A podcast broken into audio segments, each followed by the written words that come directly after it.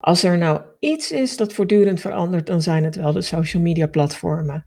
Er komen regelmatig nieuwe bij, voorkeuren van gebruikers veranderen ook regelmatig.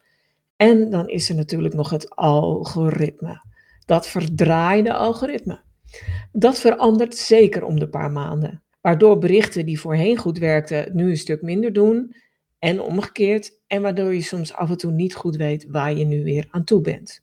In deze aflevering van de 100% Expert Podcast probeer ik daarom zo goed mogelijk social media best practices met je te delen. Zowel de redelijk tijdloze als de praktijken die nogal wisselend zijn. En die laatste hebben natuurlijk wel een beperkte houdbaarheid. Mijn naam is Linda Krijns en als contentstratege help ik kennisprofessionals en bedrijven om hun expertise beter vindbaar en zichtbaar te maken.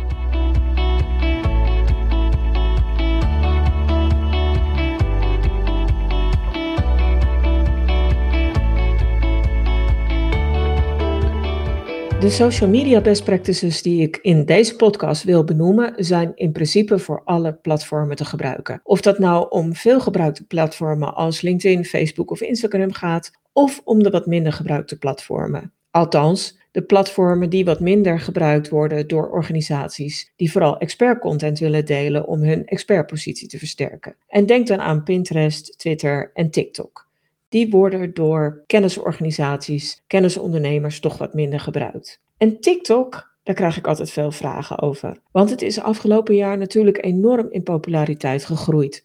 Ook onder 40-plussers. En misschien ben je al geneigd te denken dat het vooral als entertainmentbron gebruikt wordt. Meer nog dan als een informatiebron. Maar vergis je niet, er wordt gaandeweg ook steeds meer gezocht op TikTok. En dat kan weer wel interessant voor je zijn. Of dat echt zo is, hangt af van het feit op wie je wilt richten met social media. En dan kom ik meteen op mijn allereerste best practice tip. Wil je je met social media richten op scrollers of wil je je richten op zoekers? Want als je globaal naar alle social media kijkt, dan hebben die twee soorten gebruikers.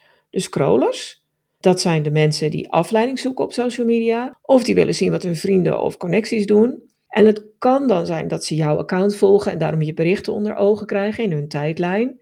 Mits natuurlijk het algoritme denkt dat dat aan de orde is. Of ze zien je bericht omdat iemand anders erop reageerde. Dus feit is dat ze je content dan deels bij toeval of door moeilijk door jou te beïnvloeden factoren onder ogen krijgen. En dan heb je die andere soort gebruikers, de zoekers. En dit zijn de mensen die social media inzetten om gericht te zoeken naar een bepaald onderwerp of nieuws, naar een product of een productreview of naar een bedrijf of organisatie. En sommige, ja, veel mensen zijn natuurlijk om en om. De ene keer zijn ze een scroller en de andere keer zijn, zijn ze een zoeker. Waar het om gaat, is dat je jezelf de hamvraag stelt, is dan op wie wil jij je nou richten met jouw content en met welk platform is jouw content bij uitstek geschikt voor de scrollers? Of is die bij uitstek geschikt voor de zoekers? Dat hangt natuurlijk ook met je doelstellingen, et cetera, samen.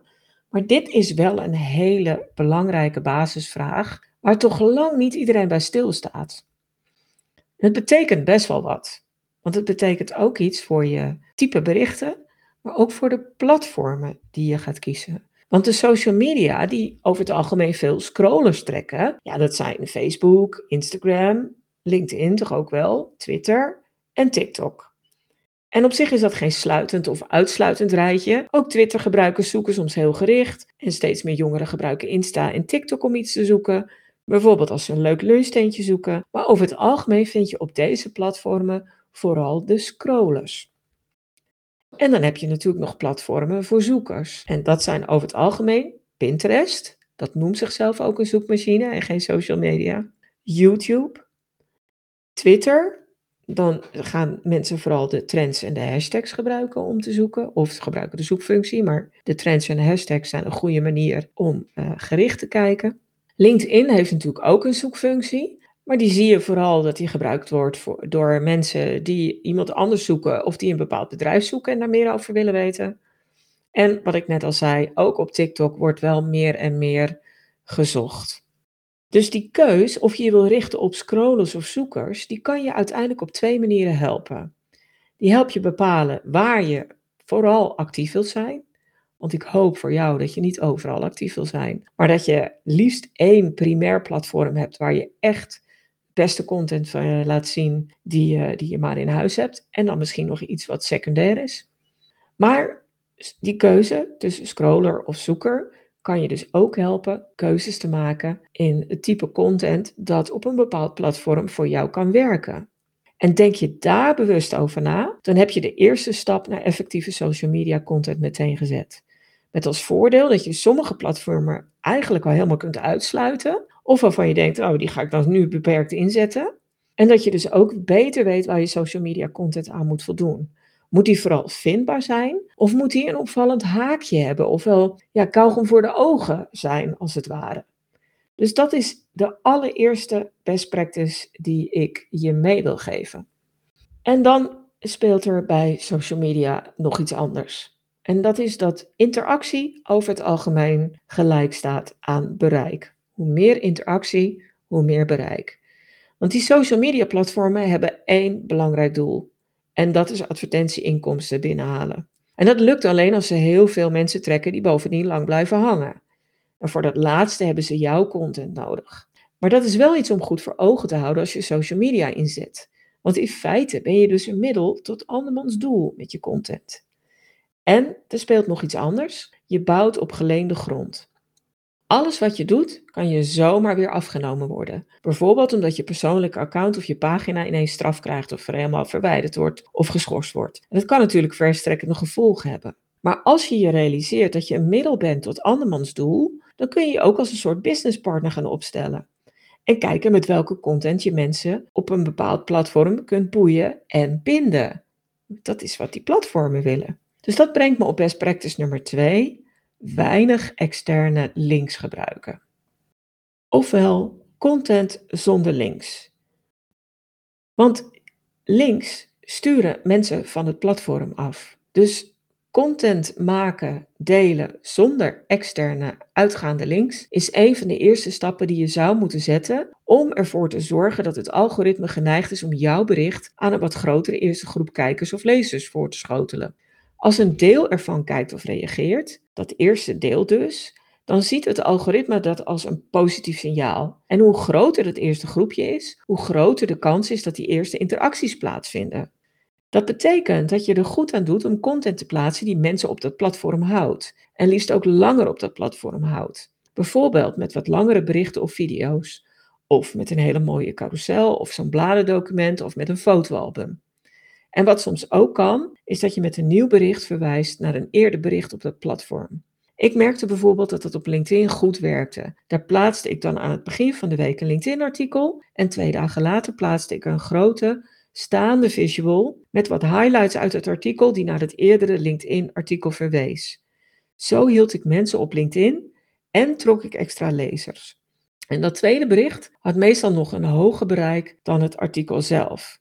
Dus als je ervoor zorgt dat je geen uitgaande link hebt, dan is dat algoritme over het algemeen eerder geneigd om die eerste groep kijkers, lezers, waarbij je die interactie wil hebben, wat groter te maken. En dan wordt de kans natuurlijk ook groter dat er wat interactie komt. Vandaar dat mijn advies is om zoveel mogelijk content zonder links te, te plaatsen. En natuurlijk kun je af en toe best wel een linkje plaatsen.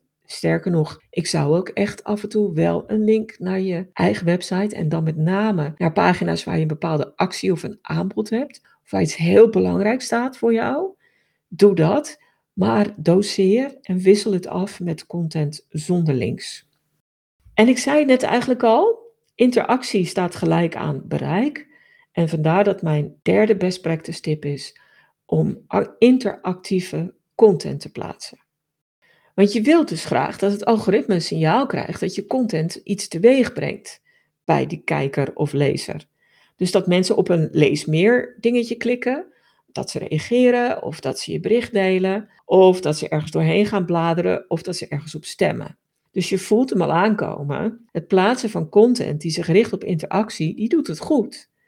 dus dan kun je denken aan een poll, aan een carousel, wat op LinkedIn dan een blader-PDF eh, is, of aan een bericht met een haakje aan het begin. Dus dat die eerste 1 à 2 zinnen, afhankelijk van hoeveel karakters een platform meteen zichtbaar maakt, dat daar een haakje in zit, waardoor mensen verder gaan lezen of echt die video die er misschien bij staat of, of de foto's gaan bekijken. En het enige dat ik, waar ik je voor wil waarschuwen is om niet te kiezen voor interactieve formats alleen maar vanwege het algoritme. Dat wordt veel te gekunsteld en dat resulteert bijvoorbeeld in, nou ja, die onzinnige polls die je zo'n twee jaar geleden op, op LinkedIn veel zag. Ik weet nog dat er toen iemand ook vroeg naar je favoriete smaak kaas of uh, welke auto rijden en zo. Nou ja, sorry. Tenzij je iets met auto's of kaas te maken hebt, dat het je ding is. Maar dat hadden deze mensen helemaal niet. Dus het was puur om interactie te realiseren. Doe dat alsjeblieft niet. En het werkt gelukkig ook niet meer zo. Maar bedenk liever wat je nou echt op social media wil bereiken. Welke boodschappen horen daarbij? En kies dan het best passende format voor je boodschap. En soms heb je dan meerdere opties. En kies dan voor die optie of voor die uitvoering die die interactie heel erg stimuleert. Zoals dat haakje in die tekst aan het begin, dat de nieuwsgierigheid opwekt. En dan kun je natuurlijk prima een gewoon tekstbericht met een leuke foto plaatsen. Want het is op veel platformen, denk aan Facebook, nog steeds het meest gewaardeerde format wat de meeste interactie oproept. Dus je hoeft het echt niet altijd in de gekunstelde hoek te zoeken en liever niet dus. Mijn vierde best practice tip, en daar zat je misschien wel op te wachten, dat is dat je korte video's gaat inzetten. Want dat is een van de meest succesvolle formats op, nou ja, vrijwel alle social media. Met dank aan TikTok kun je nu niet meer om reels en op shorts heen. Althans, zo lijkt het. Want heel veel mensen in je doelgroep vinden een kortdurend vermaak of een lekkere snelle tip hartstikke leuk. En als dat bij jouw doelen past met content, gebruik dan zeker die korte videoformats. Want ze zijn hartstikke populair, ze doen het goed, ze zorgen voor interactie en uh, voor waardering, dus gebruik het dus zeker. Maar bedenk dat het wel een beetje een hype is.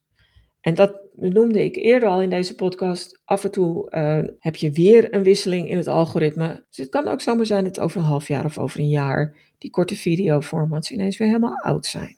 Dus bedenk dat het een hype is. En bedenk ook dat je echt er niet aan mee hoeft te doen als het jou niet past. Bijvoorbeeld omdat jij gewoon liever wat langere video's maakt met meer verdieping. Of omdat je gemerkt hebt dat jouw doelgroep die veel meer waardeert. Opnieuw geldt dan dat het echt slim is om te kijken wat je doelgroep wil, om te kijken wat bij jouw doelen past, maar ook om te kijken hoe jij je kan onderscheiden. Want als al je concurrenten, en niet alleen je economische concurrenten, maar ook je contentconcurrenten in die tijdlijn, voor een bepaald videoformat kiezen, dan kun jij het ook net even anders aanpakken. En voor een ander format kiezen, of zelfs voor een ander videoformat kiezen. En je op die manier gewoon onderscheiden. En dan ben je jezelf. Dus ja, korte videoformats werken goed. Daarom noem ik ze ook als mijn vierde best practice. Maar maak altijd je eigen keuzes. En tot slotte een andere best practice, best wel anders. En misschien denk je ook als je hem hoort van oei, hoe dan? Lastig. Want social media gebruikers, die zijn natuurlijk ook steeds slimmer zijn echt niet achterlijk. En heel veel mensen die op social media zitten, die weten echt wel dat ze soms in zo'n funnel terechtkomen.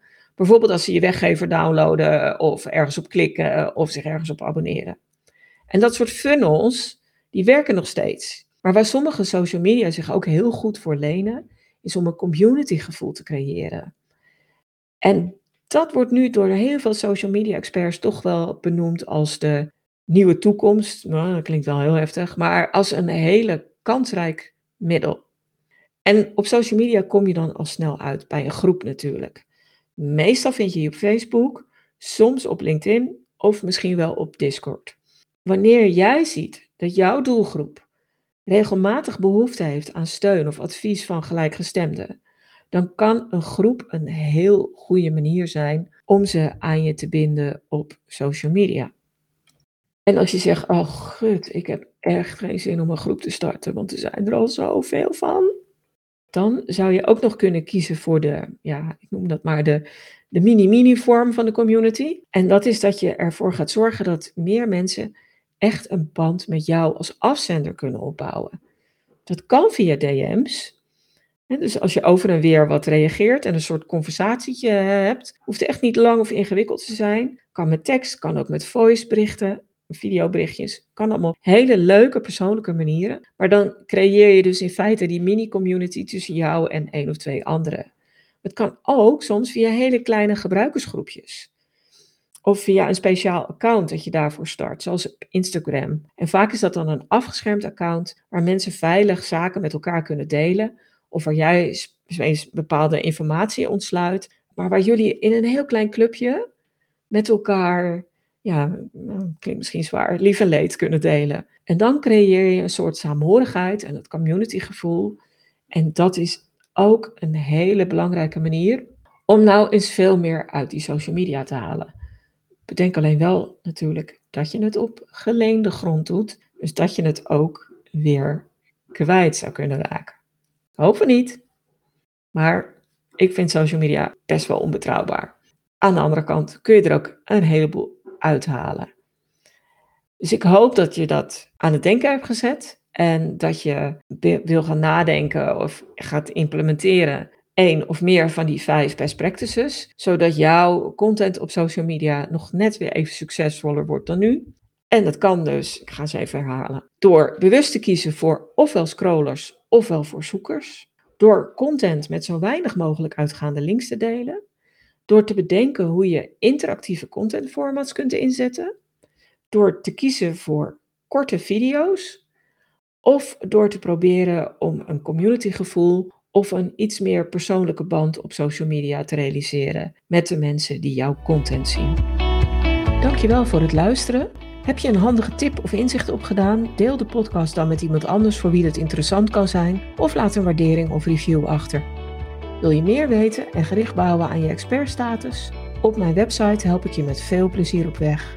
Met blogs, checklists en stappenplannen bijvoorbeeld maar ook met online masterclasses, één op één marketing power sessies en met de expertkring. Het traject voor wie wil groeien als expert en kennisleider. Je vindt het allemaal op stroop.nl en ja, stroop schrijf je met dubbel S.